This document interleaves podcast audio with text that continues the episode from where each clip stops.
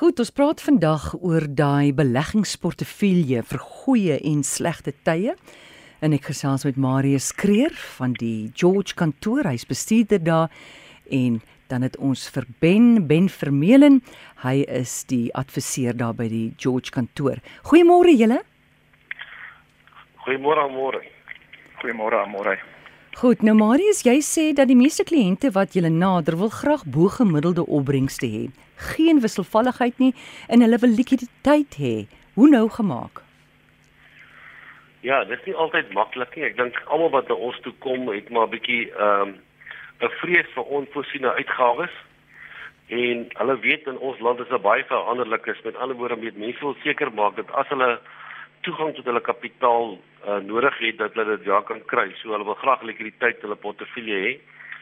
Dan natuurlik is mense maar versigtig. Ons het eintlik meeste van ons baie konservatief groot geword en mense is altyd bang vir wisselvalligheid en hulle dink altyd wisselvalligheid is risiko. Uh en meeste mense wil graag sien dat hulle beleggings groei gaan in 'n redelike reguit lyn Uh en omdat ons omdat ons al die jare gewoond was aan redelike hoë inflasie, wil mense bo bo gemiddelde op, op opbrengs hê. Uh baie mense kom na ons toe en vra altyd vir vir ons wat is die beste belegging? En daar is natuurlik nie so iets as die beste belegging, dit gaan maar oor wat wat by jou pas. Maar ja, om daai drie in 'n in 'n basies in 'n proses van 'n strategie saam te vat, is nie altyd maklik nie. Maar ons het oor die jare het ons 'n proses ontwikkel wat ons dink wat ons redelik suksesvol is om om ehm um, alles te te akkommodeer binne kan die beleggingsproses. Uh, Benke miskien 'n bietjie uitbrei daaroor. Goed Ben, hoe moet 'n kliënt belê om elk van hierdie behoeftes aan te spreek? Môre, ons gaan kyk na elke kliënt se individuele behoeftes en dan stel ons saam met die kliënt vir 'n plan op wat pas by sy of haar persoonlike behoeftes. Nou alhoewel daar baie variasies is, kry ons in hooftrekke twee tipe kliënte. Daar is die wat besig is om hulle bates bymekaar te maak vir aftrede. Hierdie kliënte is gewoonlik jonger en hulle benodig geen inkomste uit hulle uit hulle belegging nie en ons noem hierdie sommer net groei kliënte. Dan is daar kliënte wat wel inkomste benodig uit hulle kliënte, ag uit hulle beleggings. Baie van hierdie kliënte is klaar gewerk en hulle beleggings moet nou vir hulle sorg vir die res van hulle lewens. Soos ons heel eerste stap is, ons gaan sit saam met die kliënt en ons doen saam met die kliënt vir 'n kontantvloei analise om te kyk hoeveel kapitaal en inkomste hierdie kliënt gaan benodig vir die volgende 5 jaar. Ehm um, omdat markte wisselvallig is, belê ons dan kliënte se kapitaal wat hulle gaan benodig in die eerste 5 jaar in bates met geen of met baie min wisselvalligheid. Hierdie bates is hoofsaaklik kontant en effekte of kliënte ken dit dalk beter as geldmark of inkomstefondse. Hierdie bates se wisselvalligheid is natuurlik baie min, maar dit is belangrik om te onthou dat hierdie bates se opbrengs oor tyd ook nie hoog is nie. Tans is die koerse op hierdie produkte baie goed met die onlangse stygings in rentekoerse wat ons gesien het, maar oor langer periodes klop hierdie beleggingsinflasie dalk net met 1 of 2%. Die opbrengs op hierdie beleggings is ook rente waarop belasting betaalbaar is. Soos op die oomblik kan jy 'n inkomstefonds of by die bank 9% kry, maar as jy weer 30% aan die ontvanger moet teruggee, bly daar vir jou net 6% oor wat op die oomblik minder is as inflasie. Nou met die geldmark en inkomstefondse het ons nou die eerste 5 jaar van ons kliënte se kontantvloei behoeftes aangespreek. Ons het met hierdie proses dus vir ons tyd gekoop om nou vir ons kliënte te belê in bates waar daar meer wisselvalligheid is, maar waar die opbrengs oor tyd ook baie meer is as met kontant. Nou hmm. kliënte wat nie hulle kapitaal benodig vir 'n 5 jaar tydperk nie, noem ons groei kliënte en hierdie kliënte se bates belê ons in ehm um, bates wat baie meer groei gee wat natuurlik aandele of genoteerde eiendomme is. Maar ons sal net altyd vir kliënte sê hulle moet onthou om 'n noodfonds te hou vir wanneer daar enige onvoorsiene gebeure is.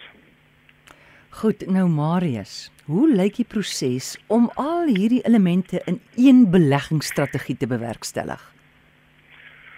Ja, dis uh dis makliker gesê as gedoen. Mm. Ek dink die eerste die fout wat baie mense maak is om om dan gaan na iemand en sê ek het soveel geld nodig en dan kom die persoon met 'n voorstel of 'n of 'n of 'n kwotasie en dan aanvaar hulle die dan kyk hulle na die opbrengs, hulle kyk na die kostes en dan aanvaar die beste kwotasie.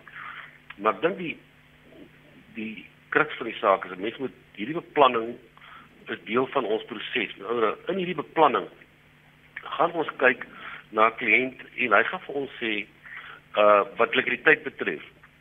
Wanneer het hy wat wanneer geld nodig? Party kliënte sê vir ons man, my kinders bly oorsee. Ek moet elke 3 jaar wil ek ten minste vir my kinders gaan kuier. Nou moet ons in sy plan moet ons inwerk dat ons elke 3 jaar kapitaal beskikbaar het. Met ander woorde, oor 3 jaar ons gaan nie nou geld op aandele belê nie want ons vir 3 jaar nodig hê nie. So ons moet 'n spesifieke plan hê vir daai kapitaal wat hy nodig het oor 3 jaar. Die geld wat hy na die volgende 3 jaar nodig gaan hê om sy kinders te gaan kuier in die buiteland, gaan ons nou 6 jaar lê so daai geld, daai gedeelte van die geld kan ons byvoorbeeld in aandele belê. Ehm um, dan wil die persoon nog nie nou ewe skielik 'n 'n groot uitgawe kry wat hy nie voorsien het en hy het nie kapitaal daarvoor nie. Met ander woorde, wanneer hy 'n motor koop, wil ons wil beplan daarvoor. Hy moet vir ons sê, man, ek vervang my motor elke 5 jaar en dan gaan ons probeer om 'n begroting daaraan te koppel en ons gaan daai kapitaal dan allokeer. Dan gaan ons ook vir hierdie persoon, omdat hy sê, daar gaan onvoorsiene gebeure wees. Ek sit ver oggend met iemand by 'n ontbyt 'n saak ontbyt en die persoon sê hy het nou nie 'n keuse nie. Hy moet nou solar kry. Hy kan nie meer so aangaan nie.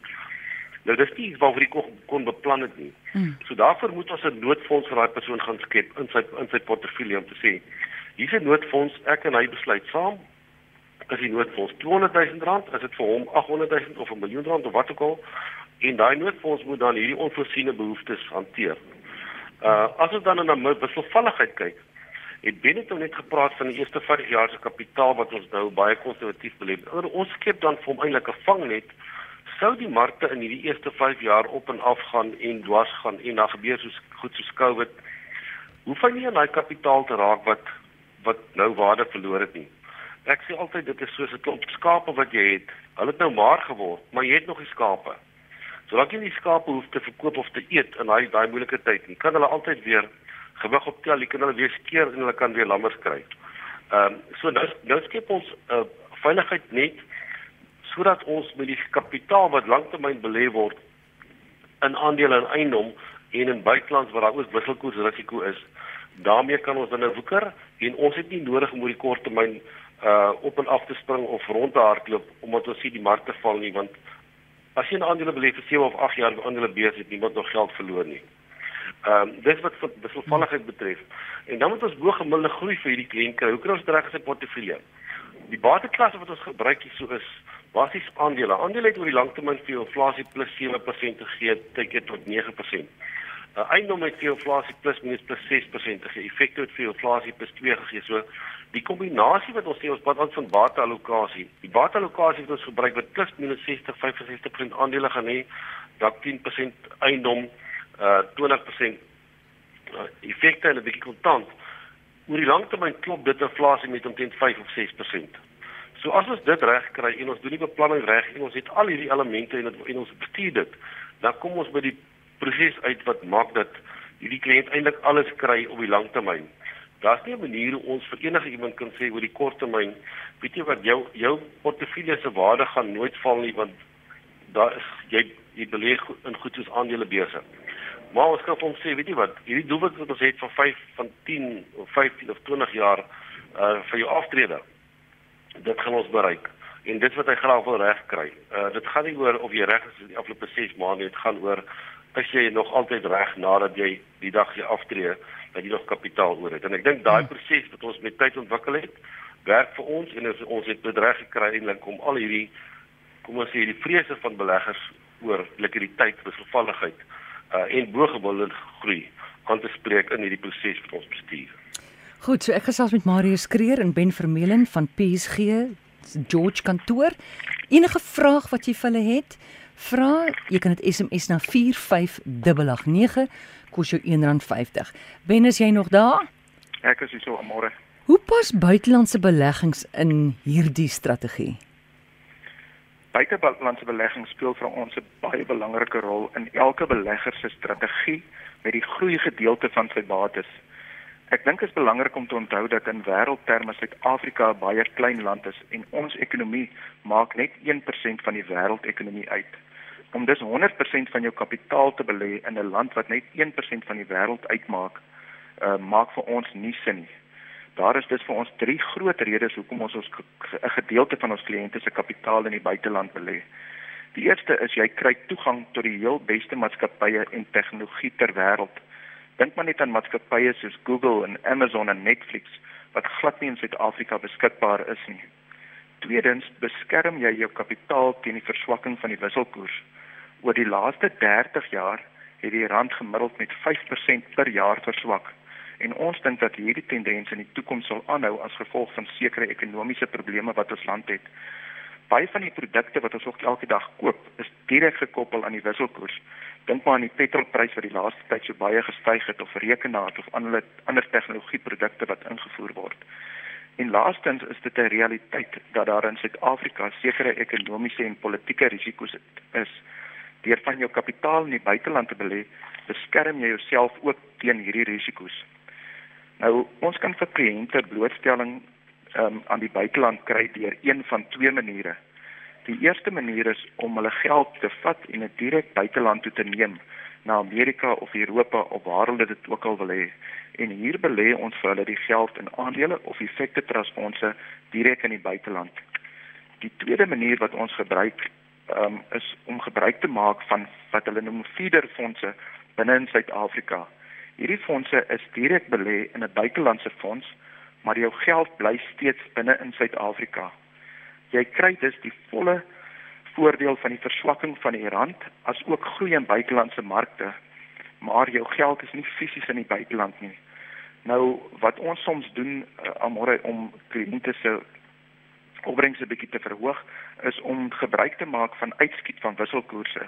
Ehm um, net na Covid het die wisselkoers byvoorbeeld verswak na amper 19 teen die dollar en toe het ons van ons kliënte se geld teruggebring en vir hulle wins geneem um, op die wisselkoers.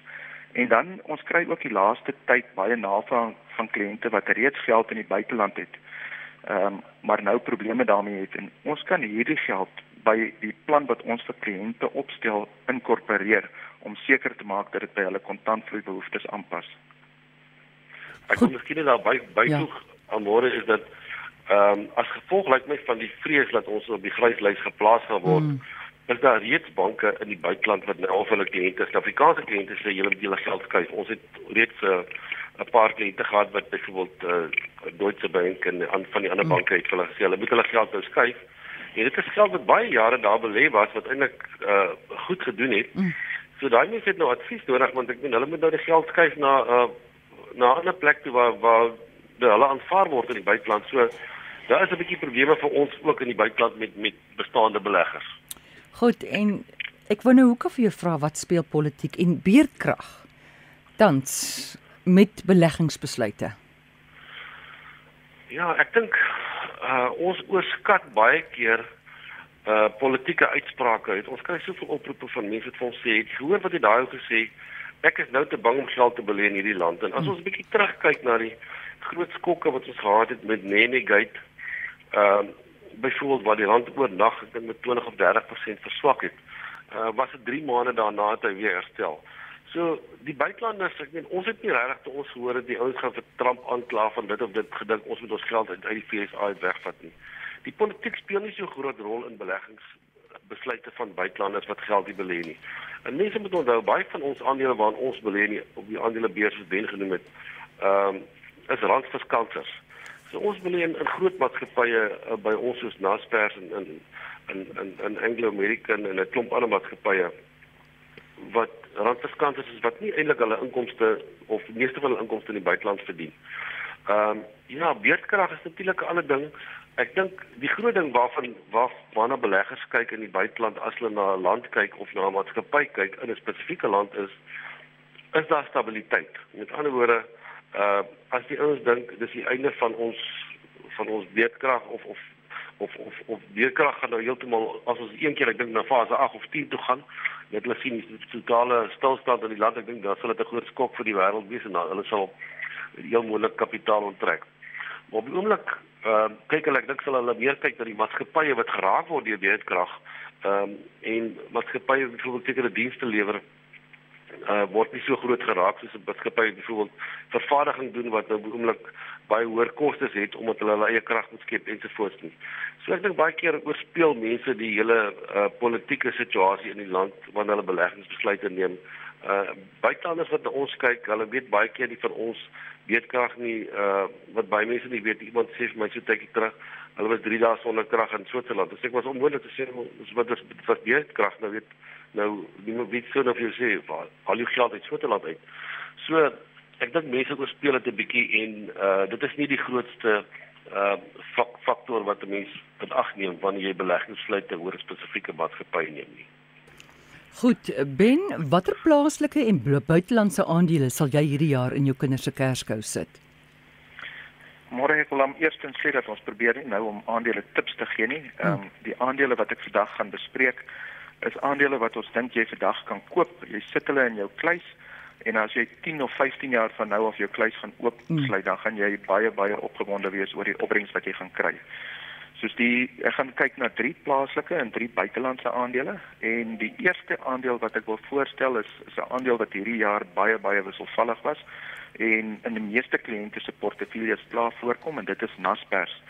Nou Naspers verhandel op die oomblik teen 'n 40% diskont toe net van sy belang in Tencent en dan kry jy nog al die ander besighede in Naspers verniet. Nou Naspers is besig om sy belang in Tencent ordelik te verminder en dan gebruik hy die opbrengs om sy aandele mee terug te koop. So wat ek daarmee bedoel is hulle verkoop byvoorbeeld R1 se Tencent aandele en dan gebruik hulle net 60 sent daarvan om hulle eie aandeel weer terug te koop en hulle sit eintlik met 'n 40 sent wins. Nou op die oomblik gaan China deur 'n baie moeilike 2 jaar tydperk as gevolg van COVID-inperkings in China, as ook regulering deur hulle regering. Nou die Chinese regering is klaar besig om stappe aan te kondig om hulle ekonomie of om die, om weer oop te maak na COVID. En ons kan almal onthou wat met ekonomie gebeur het toe dit in die res van die wêreld oopgemaak het. En ons dink dat groei weer deel gaan raak van die Chinese ekonomie. Die aandeel verhandel tans teen 'n vorentoe prysverdienste van 9 keer wat baie goedkoop is. En dan soos Marius ook net al gesê het, is Naspers natuurlike randverskanser. Die tweede aandeel waarna ek kyk is NTN. Nou hulle het onlangs met baie baie goeie resultate uitgekom, maar ten spyte van die resultate is hulle aandeleprys steeds 18% laer as 12 maande terug. In die laaste 12 maande het hulle balansstaat baie versterk deur baie kontant uit Afrika uit terug te bring en dan is die maatskappy ook besig om sekere van sy nie kernbedrywighede ehm um, soos NTN Afghanistan te verkoop. Nou hulle fokus is steeds op ehm um, hulle data wat baie goed groei en in die laaste stel resultate met meer as 30% gegroei het. Maar wat ons baie opgewonde maak oor die toekoms van die maatskappye is wat hulle belê in fintech en dit maak op die oomblik maar 12% van hulle uh, inkomste uit. Nou e-wallets of mobiele beursies word dwars deur Afrika gebruik en 50% van alle e-wallet transaksies word tans in Afrika gedoen. Die maatskappy is net teen 'n 13.4 prysverdienste en ons verwag baie baie groei, goeie groei uit die maatskappy in die toekoms. Die derde maatskappy waarna ons kyk op ons beurs is AB InBev of Anheuser Busch wat 'n drankmaatskappy is en dit is ook die maatskappy wat SA Brouwerye 'n paar jaar gelede gekoop het. Nou hulle het na die aankoop van SA Brouwerye 'n paar jaar van onderprestasie gehad want hulle het 'n bietjie te veel betaal vir SA Brouwerye. Maar intussen het hulle hulle balansstaat reggekry en is hulle besig om goeie winste en winsgroei te maak. Die maatskappy het altyd verhandel teen 'n premie teenoor ander uh, drankverskaffers, maar op die oomblik verhandel hy teen 'n diskont en hulle sit met ongelooflike sterk handelsmerke. Uh, Amore dan net uh, gou drie buitelandse maatskappye ook. Nou die eerste ene waarna ek kyk is Berkshire Hathaway en almal ken seker die bekende belegger Warren Buffett. Dit is sy maatskappy wat hy nou al die afgelope 50 jaar in belê. Ehm um, en dit is altyd 'n goeie kernaandeelhouding in enige portefeulje. Dit gee vir jou blootstelling aan baie sektore in die FSA maar ook in die hele wêreld. Die maatskappy kry om 31% van sy omset van dienste en kleinhandel, 25% van versekerings 25% van vervaardiging en 9% kom van energie af. Die maatskappy verhandel op die oomblik teen 'n diskont toe op sy onderliggende bates. Dan vir die maatskappy ook met 'n berg kontant. Nou wat doen hulle met hierdie kontant? Hulle is op die oomblik op soek na oornames wat hulle kan doen en as hulle nie oornames kry nie, dan koop hulle hulle eie aandele terug om aandeelhouers se opbrengste te verhoog. Die tweede maatskappy wat almal seker gaan ken is Microsoft. Nou Microsoft kry sy inkomste ook dwars oor die wêreld en meeste rekenaars waarop gewerk word, sal jy Windows programmatuur kry. Hulle het 'n sterk um, wat ons noem mout om die besigheid wat sommer wat nie sommer um, vervang gaan word nie. Nou 50% van Microsoft se inkomste kom uit die VSA en 50% in die res van die wêreld. Hulle inkomste is ook goed versprei tussen verskillende besigheidssegmente en hulle is nie net afhanklik van een produk of diens nie. Persoonlike rekenaars soos Windows en Xbox gee omtrent 30% van hulle inkomste. Produktiwiteit, ehm um, wat hulle Office 365 programme is waar wat ons dalk beter ken as Microsoft Word en Excel, ehm um, gee ongeveer 33% hmm. en die res van hulle inkomste kom uit die wolk of uit die cloud uit waar mense hulle inligting stoor en verwerk op bo in die cloud. Nou ons verwag winsgroei vir die volgende paar jaar van Microsoft van bo die 10% per jaar en dit kry jy in dollars. Terwyl hulle nog 'n 2% dividend per jaar ook vir jou gaan betaal. Môre en dan die hmm. laaste aandeel waarna ek vandag gaan kyk is dalk ook eene wat almal gaan ken en dit is Volkswagen. Nou Volkswagen verkoop 41% van al hulle voertuie in Europa, nog 40% in Asië en die res word verkoop in Noord Noord-Suid-Amerika en ook in Afrika. Hulle besit bekende handelsmerke soos Volkswagen, Audi, Scania, MAN en Bentley en dan het hulle ook 'n belang in Porsche waarvan hulle 'n gedeelte onlangs ontbondel het. Nou op die oomblik belê hulle ongelooflik baie geld in elektriese voertuie en ek dink met die hoë brandstofpryse gaan hulle die vrugte daarvan werk in die toekoms. Ehm um, hulle verkoopsvolume is op die oomblik baie laag as gevolg van die oorlog in die Oekraïne en die onsekerheid wat dit geskep het. Maar dit het vir ons 'n geleentheid gegee om die aandeel teen 'n baie lae prysverdienste van 4 te koop teenoor sy lang gemiddeld van 8 keer. En vir beleggers wat nou eh, die aandeel het, gaan hulle oor die volgende 12 maande 'n verwagte dividendopbrengs van 6% per jaar kry. Goed. Ben, noem gou weer daai derde een wat jy genoem het, die plaaslike een wat SAB gekoop het? Dis AB InBev. AD Invest. AB AB InBev of Anheuser Busch InBev. Okay. Dis sy langnaam. Goed, dankie. Marius, hier's 'n vraag van 'n luisteraar wat sê Marius Kreer sê die politiek het nie eintlik 'n invloed op ons geld nie, maar wat van die dag as Julius Malema eendag dalk president gaan wees, as Marius dalk 'n tweede of derde eiendom het, sal hy dit dan skielik verkoop? Also waar die eiendom in Suid-Afrika is, sal ek nou wel besluit of ek dit verkoop of nie. Ehm um, ja, ek dink ek dink tog maar die die wêreld kyk na na 'n land en hoe hy bestuur word. Jou jou geld eenheid is maar eintlik jou jou die wisselkoers is maar eintlik soos 'n soos 'n aandeleprys van 'n maatskappy en dit word bepaal hoe die land bestuur word. Ehm um, hoe die ekonomie bestuur word, finansies ensovoorts en stelsels. Op die oomblik het ons het ons baie goeie banke, ons het baie goeie stelsels in die land. Ons het baie infrastruktuur. As jy bietjie kyk na ons in die omgewing waar ons bly, amore die eiendomsagente sal vir jou sê in die meeste van hierdie uh golflandgoedere om ons is daar ontsettend baie en ek dink ek sien hulle elke dag is daar ontsettend baie buitelanders wat nog altyd hierso koop. Uh, ten spyte van die feit dat ons dink dat ons politiek is die mekaar dit is die mekaar op die oomblik. Ehm um, ek wil nie oor 'n persoon praat nie. Uh ek dink nie ek is bekommerd oor wat oor 'n uh ehm uh, iemand wat 10% van die van die stem op die oomblik hmm. kry nie. So ehm um, dit moet 'n mens maar sien wat die buitewêreld gaan sê. Ek dink ehm um, vir ons wat wat hier so is en wat weet ons gaan nêrens heen nie. Ons moet die beste maak daarvan. Ons ja. moet maar regstem vorentoe.